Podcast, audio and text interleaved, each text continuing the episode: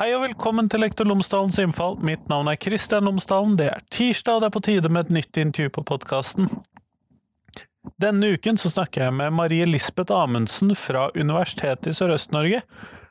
Og vi skal snakke om eh, skolens møte med elever med ADHD, vi skal snakke om tilpasninger til ADHD, vi skal snakke om eh, hvordan skolen møter disse foreldrene til disse elevene når det oppstår problemer. I det hele tatt, vi skal snakke om skolens møte med og tilpasning for elever med ADHD. Ellers, etter intervjuet, så kommer jeg til å si noe om reaksjonene som kom inn på ukens Tenketorsdag-post, som var Hvordan bør lærerutdanningen være? Ellers så er podkasten sponset av Cappelen Dam Undervisning, og hvis du går inn på skolen.cdu.no, så finner du alle de oppleggene som Cappelen Dam har laget i forbindelse med fagfornyelsen. Til alle temaer, alle trinn, alle fag i det hele tatt for fagfornyelsen i grunnskolen, det finner du på skolen.cdu.no. Det er en stor mulighet for at eh, kommunen din, skolen din, har kjøpt inn tilgang til dette allerede, så det kan du gå og se etter om du får til. Hvis ikke så kan du teste det ut. I hvert fall skolen.cdu.no. Her kommer intervju med Marie Lisbeth. Vær så god.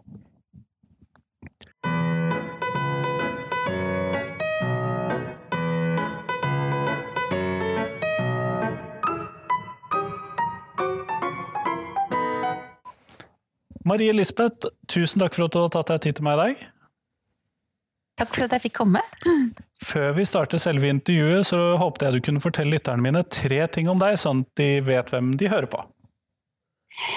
Ja, jeg eh, heter Marie Lisbeth Amundsen, og jeg eh, har mer enn 20 års eh, erfaring som logoped og spesialpedagog og lærer og pedagogisk-psykologisk rådgiver fra praksisfeltet. Jeg eh, begynte i 2003 som førsteamanuensis på Høgskolen i Telemark, og var der fram til 2010.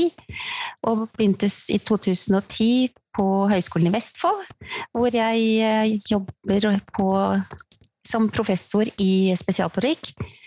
Eh, og vi er nå blitt Universitetet i Sørøst-Norge etter 2000. Ja, det er litt vanskelig å eh, huske på de jeg, der navneendringene i norske universiteter og høyskoler. Ja, ja, men det er veldig greit å vite at vi har røtter i høyskolesektoren, vi òg. Og, eh, og, og, jeg legger stor vekt som fagperson også på å ha kontakt med praksisfeltet. Det er viktig, så jeg er stadig ute i barnehager og skoler og, og eh, legger vekt på å følge med. Jeg leder også en forskergruppe som heter Profesjonsrettet arbeid med vold og overgrep og sosiale og emosjonelle vansker på universitetet vårt. Um, så vi har også et stort nasjonalt og internasjonalt nettverk.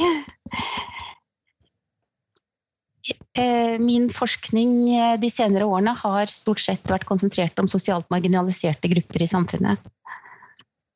Og det er nettopp en av de mm. gruppene som vi kanskje skal snakke om i dag, i dagens samtale. Ja. Eh, det, det, var ADHD du ønsket å snakke om? Det var det. Og vi må kanskje starte med hva er det som kjennetegner denne diagnosen? Eh, det som kjennetegner diagnosen, det er jo at det er en atferdsbeskrivende diagnose. Eh, kjennetegnet ved et vedvarende mønster av oppmerksomhetssvikt og eller hyperaktivitet eller impulsivitet som fremtrer hyppigere og i alvorligere grad enn det som er vanlig hos andre barn og unge. Eh, først nå de senere årene så har vi jo altså det, Tidligere, fram til 1960, så ble det kalt minimal brain dysfunction. Eh, eller minimal brain damage.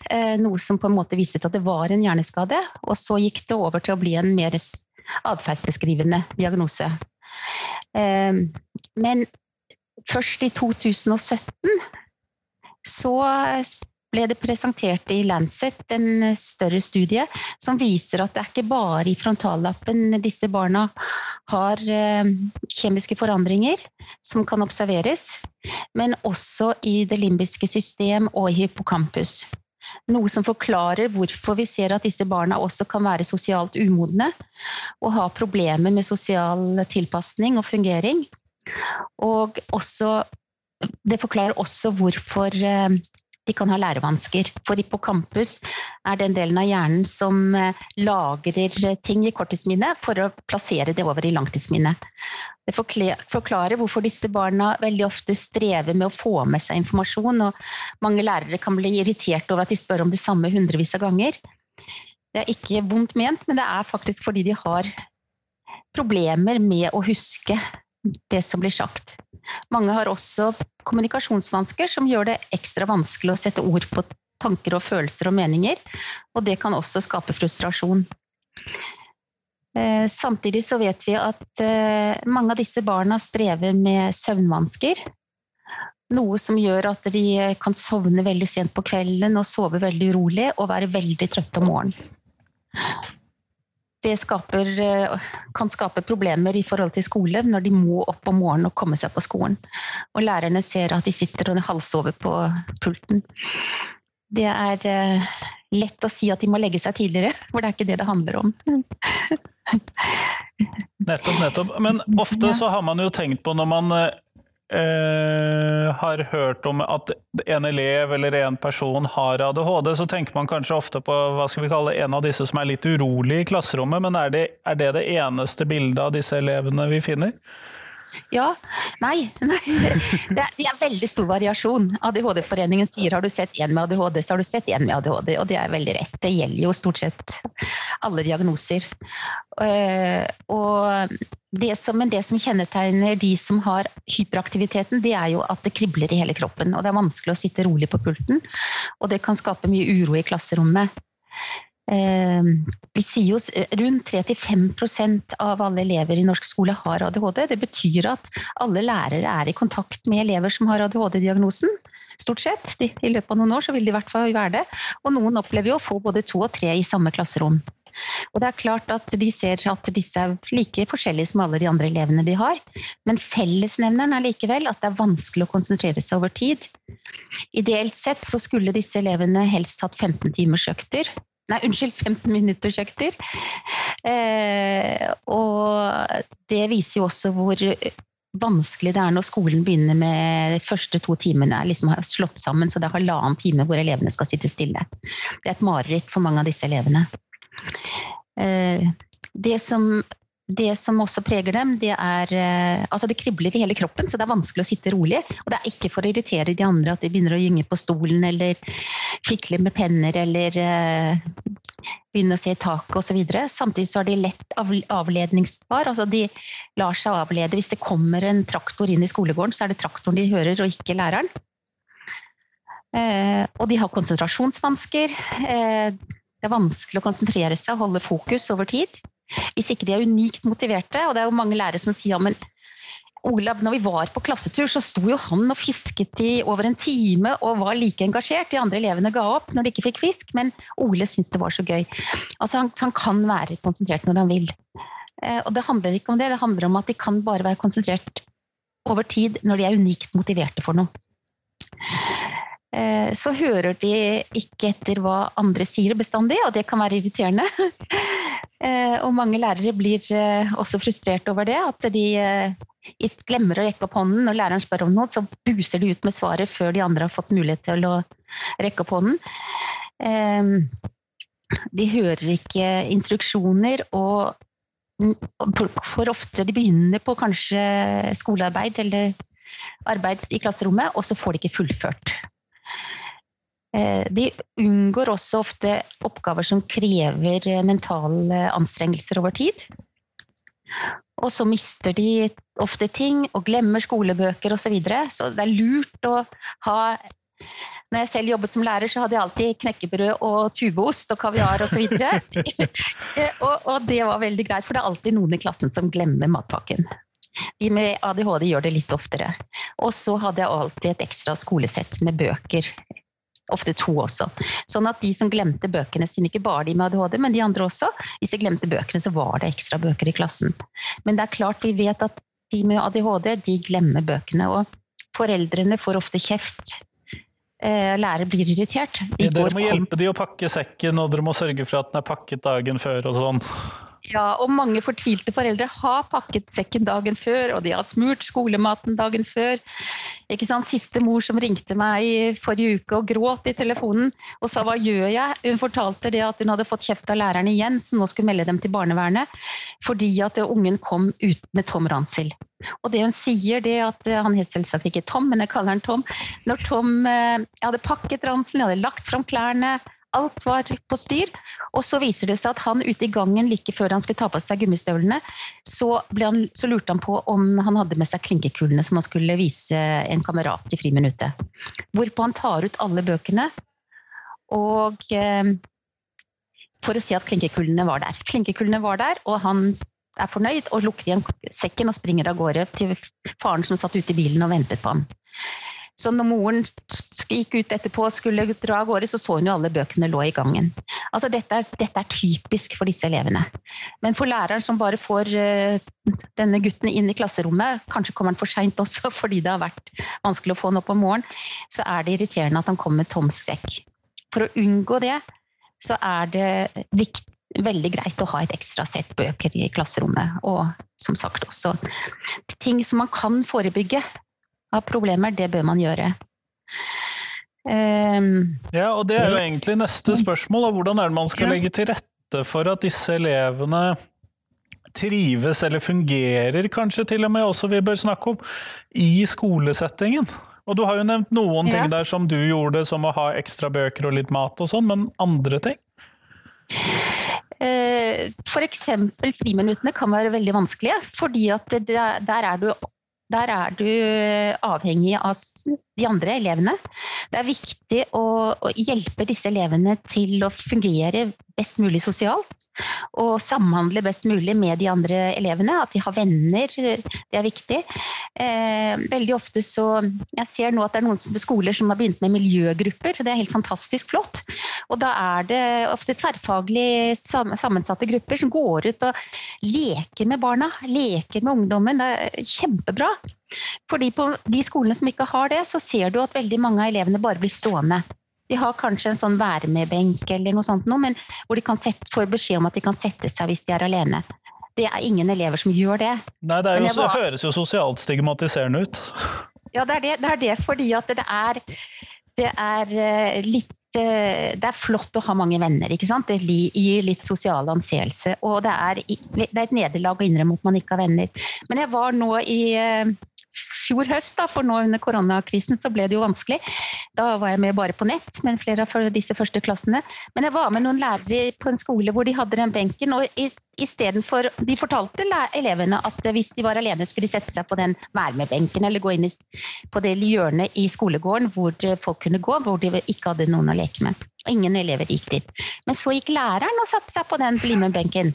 Og da kom disse elevene som jeg så sto alene, de sprang bort til læreren og sa å, Lærer, sitter du alene? Jeg vil leke med deg.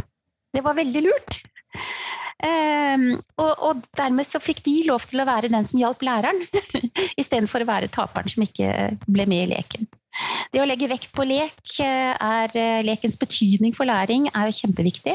Og friminuttene må også anses som en veldig viktig del av skolehverdagen. For hvordan elevene har det ute i friminuttet, preger hvordan de har det i klasserommet etterpå. Eh, og så er det viktig at lærerne i stor grad legger til rette for mestring, altså sosial mestring og faglig mestring. Eh, jeg satt på, på Jeg skulle holde et sånn innlegg på en skole nå i våres, før koronatiden, ble, før den ble stengt ned.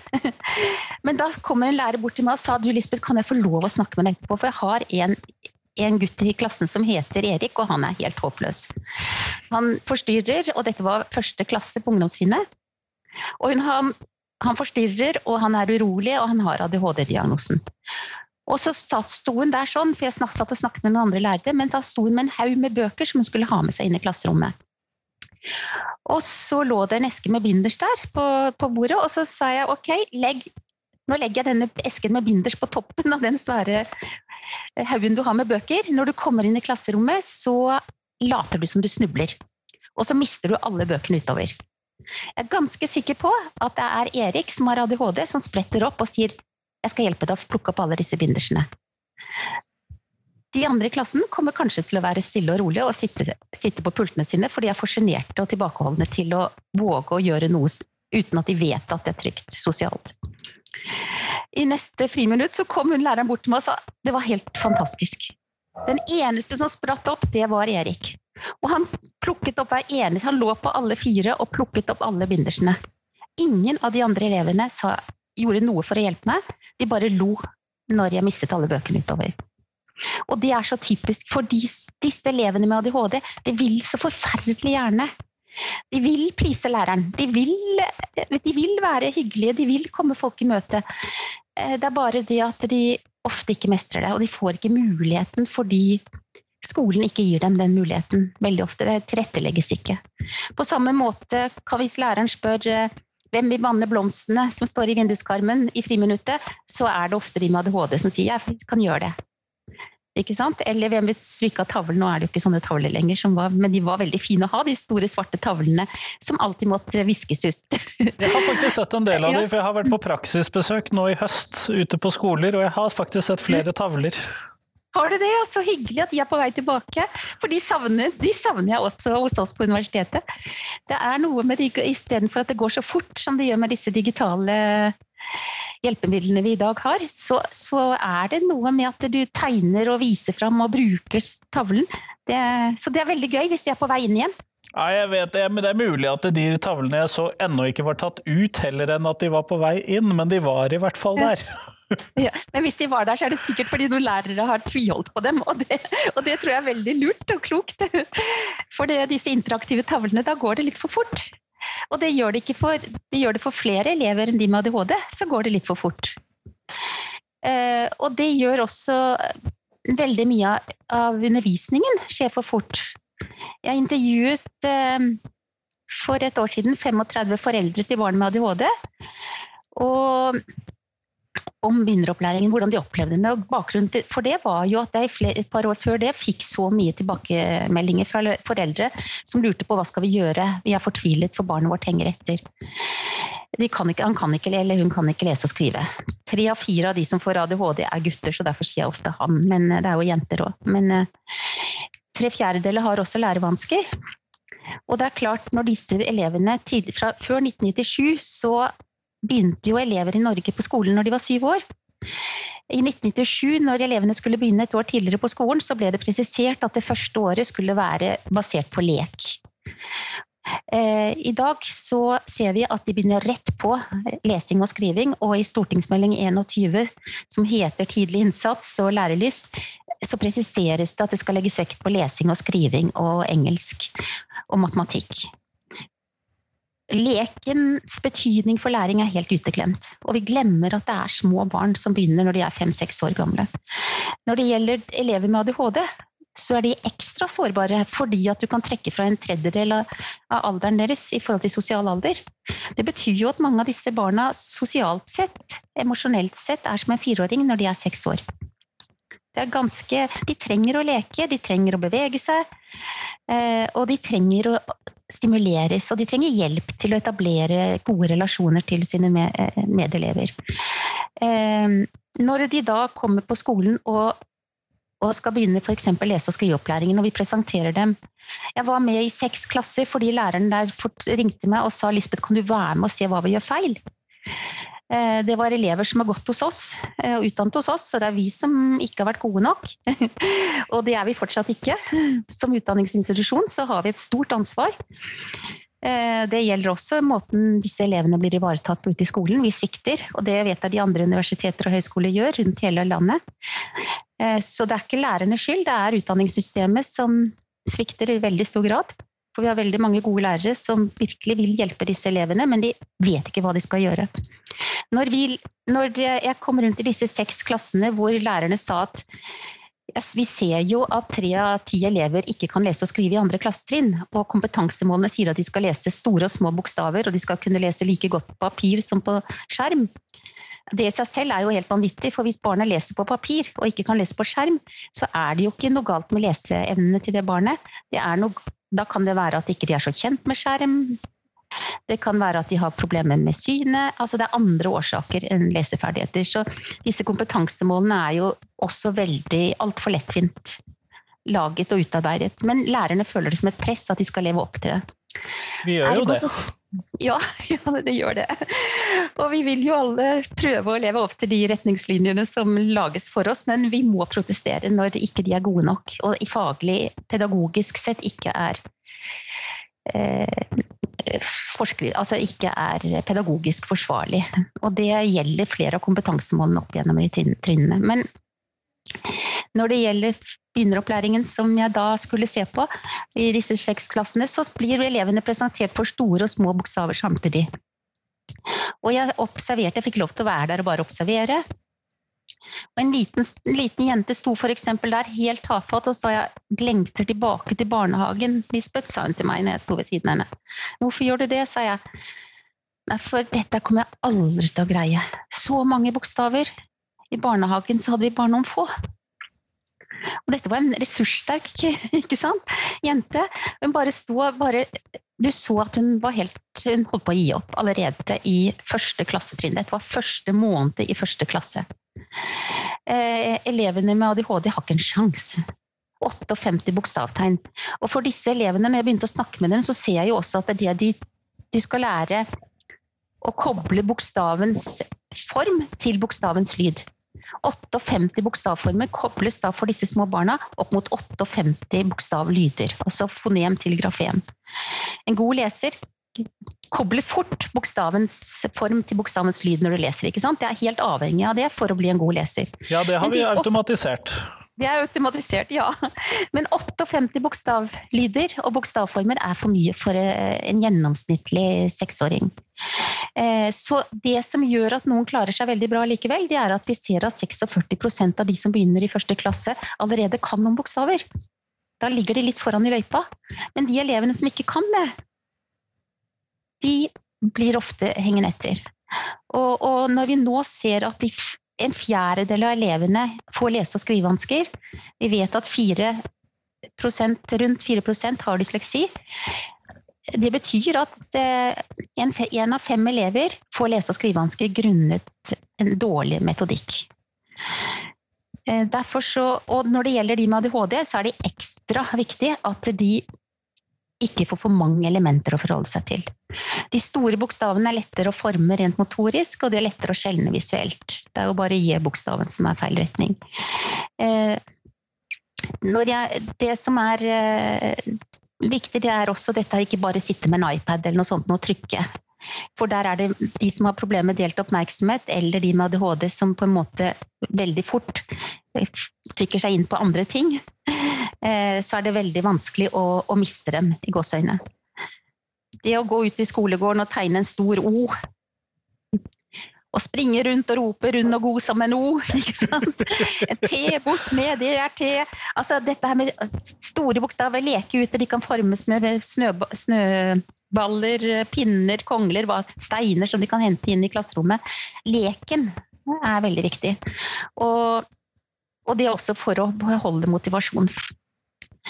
Eh, det som disse foreldrene eh, sa gjennomgående, det var jo nettopp det at det var så mange bokstaver at, barna deres ga opp. Og kastet bøkene i eh, veggen, og de var frustrerte. Så når vi snakker om de med ADHD spesielt, men det gjelder jo mange andre òg, i første klasse, så burde vi i større grad tenke litt på metodene vi bruker. Jeg har faktisk eh, ikke tenkt på det at det er 58 ulike bokstaver. Jeg, jo, jeg tenker jo 29 bokstaver, og så uh, forholder jeg meg sånn passelig til at de eksisterer. Men ja. det er jo selvfølgelig 58, for de er jo ulike. Og mange steder skal de skrive, ikke sant? Skriver også sammenhengende skrift, og da er det 87 bokstaver. Ikke sant? Ja. Mens når, mens når, og da blir det 87 bokstavlyder for mange av de elevene. Eh, og det, det, er jo helt uoverkommelig. Sånn at, eh, men hvis du skriver Hvis du skriver eh, Hvis du lærer de store bokstavene først, så er det 29. Tidligere så sa vi jo 25, men nå bruker vi X og Z og C fordi vi har mange elever med minoritetsspråklig bakgrunn som har disse bokstavene i navnene sine, så nå må det være 29. Det er mer enn nok. Men da når de lærer de små bokstavene, så henger de de små bokstavene på de store. Og da blir det de samme lydene. Så da er det lettere du, du men jeg så jo f.eks.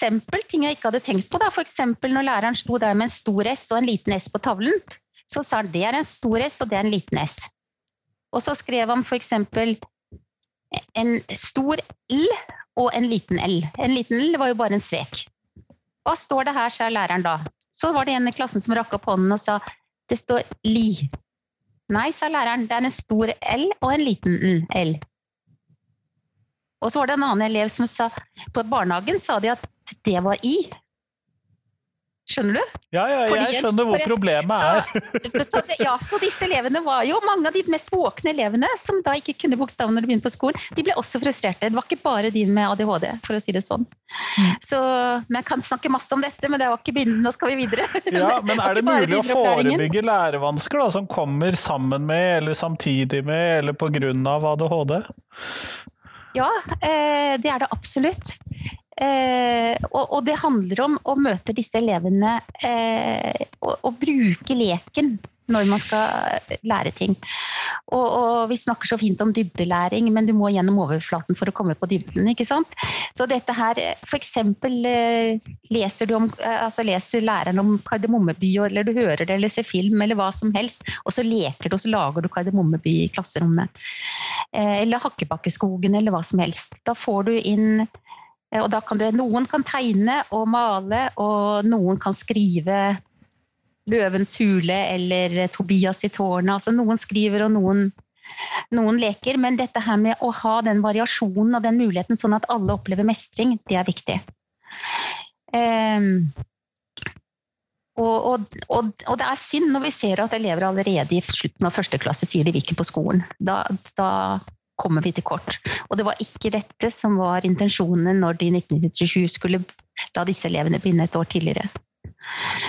Um, det som, det som, mange av disse de trenger, de trenger gode tilbakemeldinger. Altså, eh, de trenger at det legges til rette for gode mestringsopplevelser. Sånn at også når, foreldre, når det er foreldremøte, så kan læreren si at det er så hyggelig å ha Ole i klassen når jeg spør hvem som vil vanne blomstene, så er det han som rekker opp hånden. Når jeg mister noe, så er det han som plukker det opp.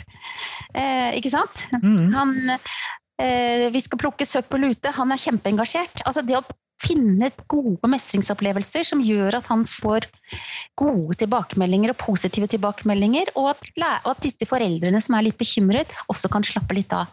For de ser at læreren er glad i Ole i sønnen min, eller datteren min, eh, og bryr seg unikt om hvordan min datter eller sønn har det.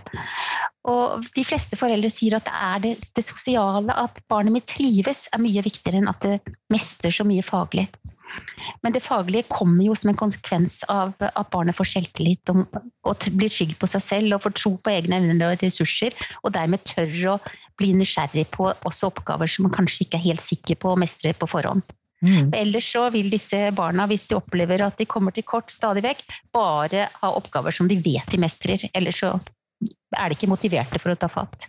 Nettopp. Og det er alvorlig. Ja. Og eh, du eh, mm. lener jo nå mot et punkt, og det som du for så vidt har vært litt innom tidligere, for du har snakket om eh, frustrasjon, og at elevene kan oppleve frustrasjon ved at de ikke mestrer, og ved at de ikke ja, ved at rett og slett ting er feil for dem, og, hva, og det kan jo ofte føre til utagering.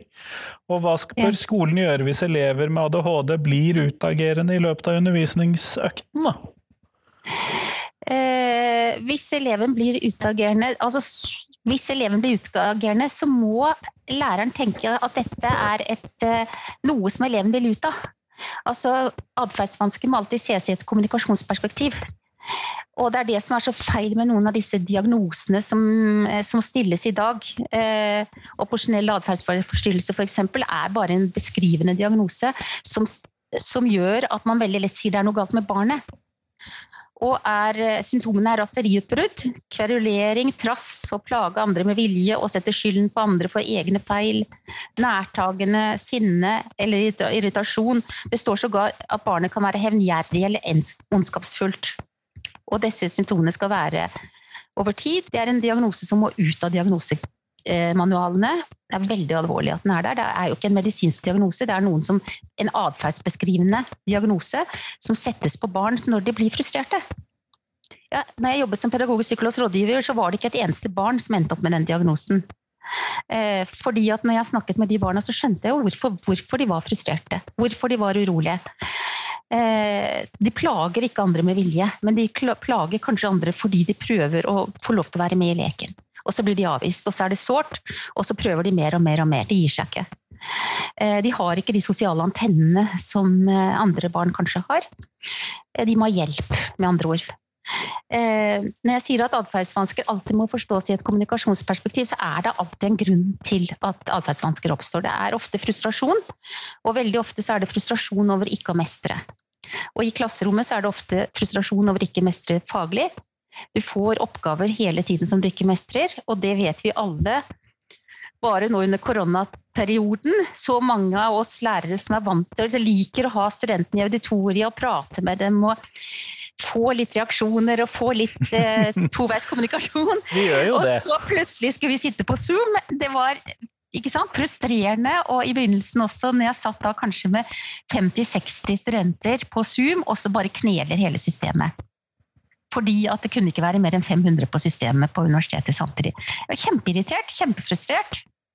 Ikke sant? Og, og det er eh, og jeg, du kan kjenne det Jeg opplever at du mestrer ikke dette så godt som man egentlig ville mestre det. Og gir ikke studentene det tilbudet som du egentlig skulle ønske de kunne få da, ved at de hadde lært mye mer hvis, de, hvis vi kunne møtes i auditoriet. Så det er rett og slett frustrasjonen som kommer av de manglende, eller de konstante nederlagene, da? Konstante nederlag fører til frustrasjon og aggresjon. Og det er jo sunt, for det er jo mye det er jo Aggresjon, sinne, det pleier å si til lærere, det er kjempesunt. Det er veldig bra at barn blir sint når de opplever at uh, deres toleransegrense overskrides. Det som, ikke, det som, er verre, det er jo hvis barna trekker seg inn i seg selv og blir sår og deprimerte og lei seg og blir bare stille og gir opp. Det er mer alvorlig, og det er vanskeligere å gjøre noe med. Uh, så sinne kan være veldig sunt. Eh, når det skjer inne i klasserommet, så er det veldig lett når barna er små også, i ungdomstrinnet. Disse elevene vil ut av den situasjonen de har kommet i, hvis de blir kjempesinte. Eh, og hvis læreren eh, overrasker med et eller annet, så er de kjempeglad for at læreren hjelper dem å komme ut av situasjonen. Hvis læreren går mot dem og holder dem, sånn som noen lærer, det er veldig dumt. Hold avstand, sånn at ikke du føler at du blir påtrengende. Og når du har avstand, så kan du med humor du kan si dere, jeg glemte at jeg hadde lovet dere at vi skulle se film i dag. Guri! Eller Oi, ser dere den traktoren som kommer inn i skolegården? Eller Søren tute! Nå mistet jeg esken med tegnestifter på gulvet. Altså det gjør det er avledningsmanøver eller humor. Det gjør at den som står der og er sint, så hele klassen ser det, kommer ut av situasjonen med verdigheten i behold. Hvis læreren bare fortsetter å si nå, nå tar du deg sammen, nå kom deg ut av klasserommet, eh, så må vedkommende sparke døren når han går ut, eller sparke et pult, eller vise at han er sint. For, for tross alt så sitter de alle medelevene og ser på vedkommende. Eh, og det gjelder også noen som tar klovnerollen når ikke de får til ting. Så de klovne, tar de den klovnerollen. Det er en så rolle. Eh, den må også vedkommende få hjelp til å komme ut av. Eh, så dette her med å se altså Atferdsvansker det opp, det oppstår alltid et samspill med omgivelsene, med andre ord. Ikke sant? Det er ikke noe som barnet eier. Men ved å sette operasjonell atferdsforstyrrelse på disse barna, eller si at de har normbrytende atferd, eh, så har vi satt en diagnose på dem, og så sier vi at dette er noe som karakteriserer dette barnet. Og da er det jo ikke rart at mange av disse barna etter hvert identifiserer seg som den som er vanskelig og slem og ondskapsfull og plager andre osv. Jeg er jo sånn den diagnosen jeg har. Og det er ikke for ingenting, kanskje, at mange av disse også da, i neste omgang, dessverre, kan ende i fengsel. Eh, vi skaper nederlag, vi skaper en taperidentitet ved å bruke sånne diagnoser. Så mitt budskap i hvert fall i dag er at den diagnosen må ut. Det er ingen elever som, som har opposisjonell atferdsforstyrrelse. Det er noe som oppstår i samspill med omgivelsene. Og skolen er veldig rigid. Mm. Eh, det er ikke bare barneskolen som vi snakket om litt nå, men det er jo også ungdomstrinnet. Jeg tror at hvis vi fikk et ungdomstrinn som eh, lot elevene velge mellom en mer praktisk orientert linje eller en mer teoretisk eh, orientert linje, så tror jeg omtrent halve elevkullet ville velge en mer praktisk orientert utdanning når de begynner på ungdomstrinnet. Og jeg jobbet en, i en kommune en gang hvor vi hadde åtte elever som hadde lærevansker og ADHD. Mm. Og vi lurte på hvordan i all verdens land og rike skal vi få dem gjennom ungdomstrinnet på en god måte. Veldig flotte gutter. Eh, vi lagde da en alternativ linje på ungdomstrinnet som vi kalte Naturlinjen. Og det som viste seg, så hadde vi et møte hvor vi tenkte hvordan skal vi unngå stigmatisering av den klassen. Det som skjedde var jo at eh, over halve ungdomstrinnet søkte seg inn i den klassen, sånn at det ble status å få plass der. Ingen visste at vi hadde plassert ikke sant? Lagt opp denne linjen rundt denne elevgruppen. Og veldig mange av de dyktigste elevene teoretisk sett valgte seg inn der. Og det, jeg tror de, de, de Evalueringen viste at de var kjempefornøyde når de gikk ut av ungdomstrinnet. Jeg tenker at eh, Tilsvarende vil vi se at hvis vi legger til rette for mer praktisk orienterte linjer på ungdomstrinnet, så vil de også i mye større grad kunne, kunne elevene i mye større grad kunne se sammenheng mellom det de lærer i ungdomsskolen og de, de fagene de skal inn på i videregående skole. Og det er jo en utfordring i dag. Eh, det er jo at vi ser at motivasjonen reduseres fra 8. til 10. klassetrinn. Vi ser også i en studie som jeg har gjennomført med Per Einar Garmannslund fra Universitetet i Agder, så har vi flere sånne ungdomsstudier. Og, og vi ser jo i disse ungdomsstudiene også at bruk av utsettelsesatferd øker fra 8. til 10. klassetrinn. Det betyr at de er mindre motivert for å ta fatt på leksearbeid og skolearbeid. Um, så det er ikke bare motivasjon, generell motivasjon, men det er også hvordan de jobber. Nettopp, nettopp, nettopp. Og det er alvorlig. Ja, det er alvorlig spesielt fordi vi vet at karakterene i ungdomstrinnet har stor betydning for mulighet for å gjennomføre videregående skole. Ja, og det ser vi jo. Mm. Eh, men du, så vidt jeg har forstått, så har du også funnet ut at eh, mange av foreldrene til disse elevene her, de eh, føler seg misforstått og motarbeidet av skolen. Og at mange ja. henvises til barnevernet. Og det pekte du også på i stad, tidligere i samtalen, at skolen ville da melde eh, ja. Ja, eh, den, eh, med skolen som motstander, hvor jeg har intervjuet 30 foreldre, så kommer det Og det var fra en tilfeldig fylke i Norge, det var ADHD-foreningen som fikk velge ut et fylke. Jeg tok de 30 første foreldrene eh, som meldte seg. Det var avtalen på forhånd, så det var, sto informasjonsskrivet. Så det, eh, og det som jeg så, var at eh, en svært høy andel av disse eh, var blitt meldt til barnevernet. Jeg fikk lov til å se på papirer osv. Og, så og alle sakene var henlagt.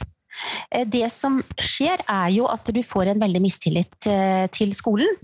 Og i alle sakene så var utgangspunktet at disse foreldrene hadde klaget på spesialundervisningen som deres barn fikk. Den ble gitt av assistenter som ikke hadde kompetanse. Eh, og mange opplevde at barnet bare ble stigmatisert ved å bli tatt ut av klassen og så satt foran datamaskinen og spille spill. Eh, det var absolutt berettiget å klage. Det som skjer da, det er at skolen veldig ofte kommer i forsvar når foreldre klager på undervisningstilbudet til sine barn. Eh, det er lett å si for alle at eh, all undervisning skal være tilpasset og inkluderende. For vi vet alle at det er en visjon. Det er ikke mulig for en lærer med 20-25 elever i klassen, noen ganger enda mer, å sørge for at alle disse elevene får tilpasset opplæring i et inkluderende oppvekst, eh, oppvekstmiljø. Eh, det som skjer, er at når man er sliten, så kommer man lett i forsvar. Det som er alvorlig i den sammenhengen, er jo at barnevernet da går inn i disse sakene.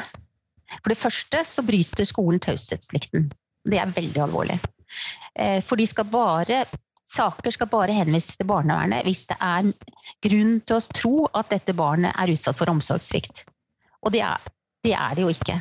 Det er jo, dette er jo foreldre som tvert imot vil sine barns beste eh, når de klager på undervisningstilbud eller hvordan barna har det. Mm. Eh, så det er, det er, veldig alvorlig. Men det er også alvorlig at barnevernet har så lite kompetanse at ikke de da går ut og kritiserer skolen for å ikke gi disse barna det undervisningstilbudet de har krav på. For det er jo det de burde gjøre. De burde støtte foreldrene i mye større grad enn det som jeg har sett på de tilbakemeldingene jeg har fått lov å se. Og jeg har sett mange flere tilbakemeldinger enn dette, fordi jeg eh, også før og etter har fått eh, henvendelser fra foreldre som har vært fortvilte. Og det barnevernet ofte sier, er at det er ikke noen grunn til å bekymre seg for omsorgssituasjonen hjemme, men dersom det er grunn til ny mistanke eller tvil, så må skolen bare henvise på nytt. Det de skulle ha sagt, det var at dette var ingen grunn til å henvise til oss. Dere har brutt lov om taushetsplikt. Dette er alvorlig. Foreldrene har helt rett i at barnet ikke får det undervisningstilbudet det har rett på. Eh, det hadde gitt foreldrene den oppreisningen i forhold til skolen som de trenger for å fortsette å kunne tørre å stille krav til sine barns beste. Nå, ved å bruke barnevernet som ris bak speilet, Eh, så vet jo disse foreldrene, når de får en sånn tilbakemelding fra barnevernet om at dersom det fortsatt er grunn til mistanke, så henvis på nytt. Så betyr jo det eller meld, meld, meld på nytt, så betyr jo det egentlig at eh, skolen har dette riset. De eh, foreldrene tør ikke å klage mer, for de vet at da kommer barnevernet. Og det er en alvorlig inngripen i folks privatliv å få barnevernet på døren. Eh, og dette er foreldre som fra før av sliter. 50% da regner man ofte med. 50 eh, er det arv. Så disse foreldrene har kanskje en av foreldrene har også selv kanskje ADHD. Eh, med tilhørende dårlige mestringsopplevelser, antagelig mange av dem? Og nederlagsopplevelser og vonde opplevelser i forhold til egen skolehistorie. Eh, så, så dette nederlaget kan være, kan være katastrofalt med tanke på at vi vet hvor viktig det er at det er et godt samarbeid mellom skole og hjem. Og hvor viktig det er for at barnet skal føle tilhørighet til skolesamfunnet. Um, og hvor viktig det igjen er for barnets mulighet for å lære å være motivert og trives på skolen. Så det er eh, viktig at barnevernet blir, eh, får mer kompetanse. De har med sin treårs utdanning altfor lite kompetanse i dag. Ehm, og når man har lite kompetanse, så blir man ofte kanskje mm, lite ydmyk. Lite, man kan gå rett inn i en litt sånn tøff rolle, og det er katastrofalt når disse sårbare foreldrene møter et, sånne saksbehandlere. Noen er noen eh, har vært ganske knekt. Jeg har fått historier i ettertid også hvor folk til og med har fått politiet på døren. Eh, det er ganske alvorlig. Mm. Jeg kommer også til å legge ut en lenke til intervjuet mitt med Bente Onstad om barnevern og bekymringsmeldinger i shownotesen til denne episoden. Ja, så flott. For hun har jo skrevet, hun sammen med sin medforfatter, eh, hva er det hun egentlig Mette Sønderskov eller noe sånt? Sånn, det ja. har ikke jeg fått med meg. Nei, de har skrevet en bok også hvor dette kommer fram. og De, har, de er også gitt en ganske ny bok. som er veldig spelt, ja. eh, Hvor det også presiseres at, eh, at det skal være alvorlig grad av omsorgssvikt eh, hvis man skal henvise. Nettopp, nettopp. Men og, du ja. nevnte en ting i stad som jeg bet meg litt merke i. og det, Du snakket om dette med at elevene kunne ende opp da fremtidig i fengsel. Og så vet jeg jo det at du har konkludert med at fire av ti gjengangere i norske fengsler har ADHD. Og hvordan, ja. Hva er årsakssammenhengen her, da? Altså, jeg var inne i syv norske fengsler og gjennomførte en undersøkelse første gang i 2006. Eh, det med påfølgende dybdeintervjuer eh, av både gjengangere og andre innsatte med tanke på psykisk helse eh, fram til 2014. Eh, poenget er at det som vi finner, at blant innsatte i norske fengsler har tre av ti ADHD. Eh, når det gjelder gjengangerne i norske fengsler, altså de som har sittet inne tre ganger eller mer, så er det fire av ti som har ADHD. Det som kjennetegner disse, det er jo at eh, ni av ti har falt ut av videregående skole. De har en forferdelig skolehistorie bak seg, eh, så skolen har sviktet. Ni av ti har også vært i kontakt med PP-tjenesten BUP, altså barne- og ungdomspsykiatrisk, eller barnevernet som barn. Halvparten har vært under barnevernets omsorg som barn også. Det er, men det at ni av ti har vært i kontakt med hjelpeapparat som barn, det sier noe om at hjelpeapparatet svikter. Um, når jeg har snakket i dybdeintervjuer Dette var jo en eh, kvantitativ studie som var utgangspunktet for å gi disse tallene. Men i dybdeintervjuene så framkommer det jo at veldig mange av disse også har språklige vansker. Og at eh, jeg ser jo også at eh, de har hatt kontakt altså i politiavhør osv. har hatt store problemer med å forsvare, sin, altså forsvare seg og få fram sin sak. Så politiet i dag har også en stor utfordring i å bli mer kjent med denne diagnosen. Noen av dem, Jeg har vært borti flere sånne rettssaker også, fått lov å følge noen, eh, hvor jeg er sjokkert over hvordan disse eh, ungdommene og voksne med ADHD blir behandlet av politiet. Eh, det gjelder jo fengsel, altså I fengselet så opplever jeg kanskje at de har mer forståelse fordi de blir bedre kjent med dem. De kommer mer inn på dem. Godt vant til det også, høres det ut som? Ja, og kanskje, ja, kanskje har mer erfaring og også mer kunnskap. Så, og det er, det er, til ettertanke at det faktisk eh, de blir møtt med større respekt, respekt og forståelse i fengselet enn av politiet som eh, skal ha dem i havehør eller skal prøve å få dem satt fast på ting. De, de har problemer med temperament, mange av dem har angst. Eh, og, og, og, når du da også har språkvansker, problemer med å kommunisere, eh, så kan dette skape veldig lett misforståelser. Det gjør det også i skolen, bare for å si det. Jo, men det høres ut som da, hva skal vi kalle det, veldig dyre, og da mener jeg både monetært, men også i hva skal vi kalle det, livskvalitet. da. Eh, følgefeil ja. av at man ikke får gitt den riktige tilpassede opplæringen i skolen. Riktig. Altså Følgen av å falle utenfor utdanningssystemet i Norge i dag, det er jo at du faller utenfor arbeidsliv og fort blir sosialt isolert som voksen. Eh, veldig mange av disse har også problemer i forhold til Nav. Nav-ansatte har for lite kompetanse og er ikke flinke til å få disse ut i arbeid. Altså, eh, Vernede bedrifter er ikke det de bør, eh, sammen med mennesker med utviklingshemning, det er ikke der de bør plasseres. Mange av disse er kjempedyktige. Eh, hadde de fått lov til å være fisker eller jobbe i landbruk eller jobbe med veiarbeid, altså praktiske yrker, så hadde de opplevd mestring, og de hadde opplevd også å kunne bidra inn i det sosiale fellesskapet i samfunnet. I dag så skyves mange ut av det sosiale fellesskapet, og det er eh, sosialt utenforskap er svært alvorlig. Mye av årsaken til at vi får disse gjengangerne som koster samfunnet masse, er jo nettopp dette. De kommer ikke ut, de får ikke, de får ikke mulighet til å vise at de mestrer. Eh, og det er alvorlig. Ja, det hører jeg. Det er det ingen ja. tvil om. Eh, vi går mot slutten av podkastintervjuet, og da skal jeg stille deg det ja. samme spørsmålet som jeg stiller alle jeg intervjuer. Eh, ja. Og hva er de tre viktigste tingene skolen kan lære elevene? Eh, det, det viktigste vi kan lære dem, det er å, å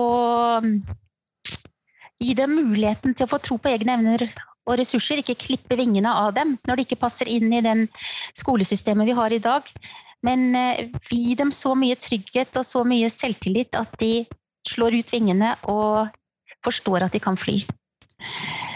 Eh, så tenker jeg det de det som skolen også bør lære dem dette her med å mestre. Altså mestringsopplevelser. Mest sosial og faglig mestring.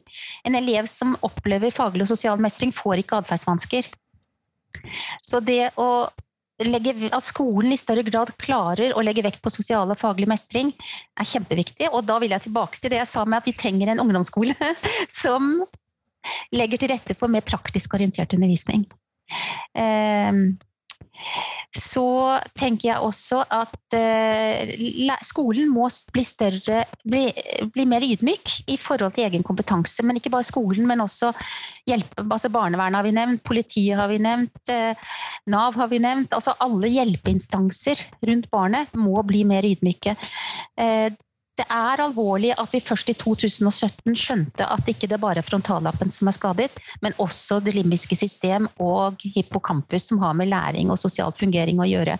Selv om vi skjønte Barkley allerede i 1960 sa at disse barna kan du trekke fra en tredjedel av sosial alder. Det betyr at et barn på 21 år, en voksen på 21 år, sosialt sett eh, og emosjonelt sett kan fungere som en 14-åring. Og disse setter vi i fengsel. Kjempealvorlig.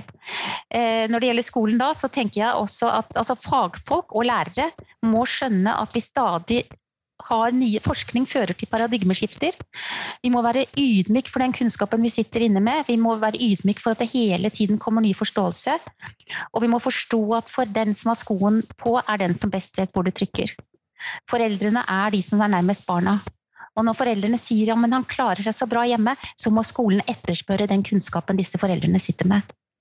Snarere enn å prøve å få barnet til å, til å tilpasse seg skolen, så skal skolen tilpasse seg barna. Var det tre ting?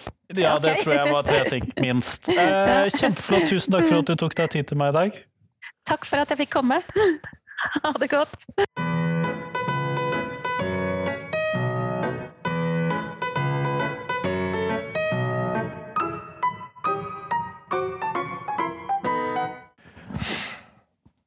Tusen takk til Marie Elisabeth, og tusen takk til deg som hørte på. Nå er det fram til fredag, tror jeg, så er det til det kommer et nytt intervju. Og det er rett og slett fordi at uh, denne uken så kommer det muligens en uh, livepodkast. Det finner vi ut av når vi kommer litt lenger ned i uken. Men etter planen så kommer det et intervju på fredag. Så får vi se om det kommer noe ekstra denne uken. Ellers så lovet jeg at uh, jeg skulle lese opp Tenketorsdag-posten fra forrige uke. Da var det 'Hvordan bør lærerutdanningen være?' Og der har det vært litt sånn uh, blandet uh, hvilken respons. Sara Berge Økland, som har vært med på podkasten tidligere, skriver jeg ønsker meg mer fagdidaktikk tidlig i utdannelsen, samtidig som de store innføringsemnene. I lektorfagene kan vi gjerne ha eksamensoppgaver, semesteroppgaver, så teste kompetanse i bruk av fagene i undervisningen. Inne på Status lærer så sier Martin Taulov det burde skje på skolen, med mulighet for å ta pedagogikk og didaktikk på høyskolen for de som ønsker. Eh, Liv Katrine Krogh, mål forhindre praksissjokk. Som øvingslærer har det slått meg hvor lite studentene får fra lærestedet sitt. Får håpe de bare har vært uheldige. Kristina Bjørnstad til Langballe, mer praksis, mer praksisnær opplæring, mer virkelighetsnær forståelse av skolehverdagen, arbeidsoppgavene, alle forkortelsene og de interne kodene. Mer fokus på relasjonsbygging, tilpassa opplæring, fokus på hjem-skolesamarbeidet, ikke bare fag. Fordi fag er ofte ikke det man jobber mest med som lærer, sjokkerende nok blunkefjes. I alle fall ikke som kontaktlærer, selv om man kanskje burde selv om man selvsagt må kunne sine fag, absolutt, og kunne formidle dem til den aktuelle aldersgruppen, Ganske mye man må mestre som lærer, altså, og da har jeg utelatt deler også. Morten Alexander Jøssund, tilbake til fireårig grunnutdanning og minst dobbelt så mye praksis. Praksis er så viktig, eh, både med store bokstaver på så og fire utropstegn. Bjørg Endresen Kallok skriver har mange flere fag uten store fordypningen, den trenger man ikke i barneskolen i alle fall. Metodikk og didaktikk er det viktigste, Kristoffer Aasvik skriver bedre kvalitet på de som underviser på utdanningene, tør å stille krav, høyere krav til studentene, både når det gjelder pensum og vurdering. Mer relevant teori gjør teorien relevant for praksis, mer praksis i skolen. Og Liv Katrine Krogh kommer inn igjen, for hun har nemlig deltatt flere steder hvor den har blitt delt, gi flere muligheter til å øve på vurdering. Det er i hvert fall de tilbakemeldingene jeg har fått så langt. Skriv gjerne inn, eh, gå inn på Instagram, Twitter, Facebook, et eller annet sted hvor jeg har delt Tenketorsdag-posten. Og så skriv hva du tenker vi må gjøre med lærerutdanningen. På torsdag så kommer det en ny Tenketorsdag-post, det kommer i hvert fall, men det får du få da. Tusen takk for at du hørte på, vi ses senere i uken. Hei, hei!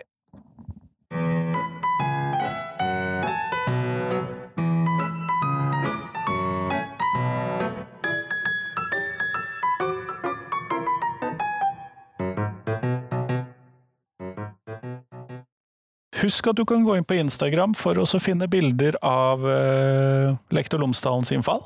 Så kan du se litt hva jeg driver med der.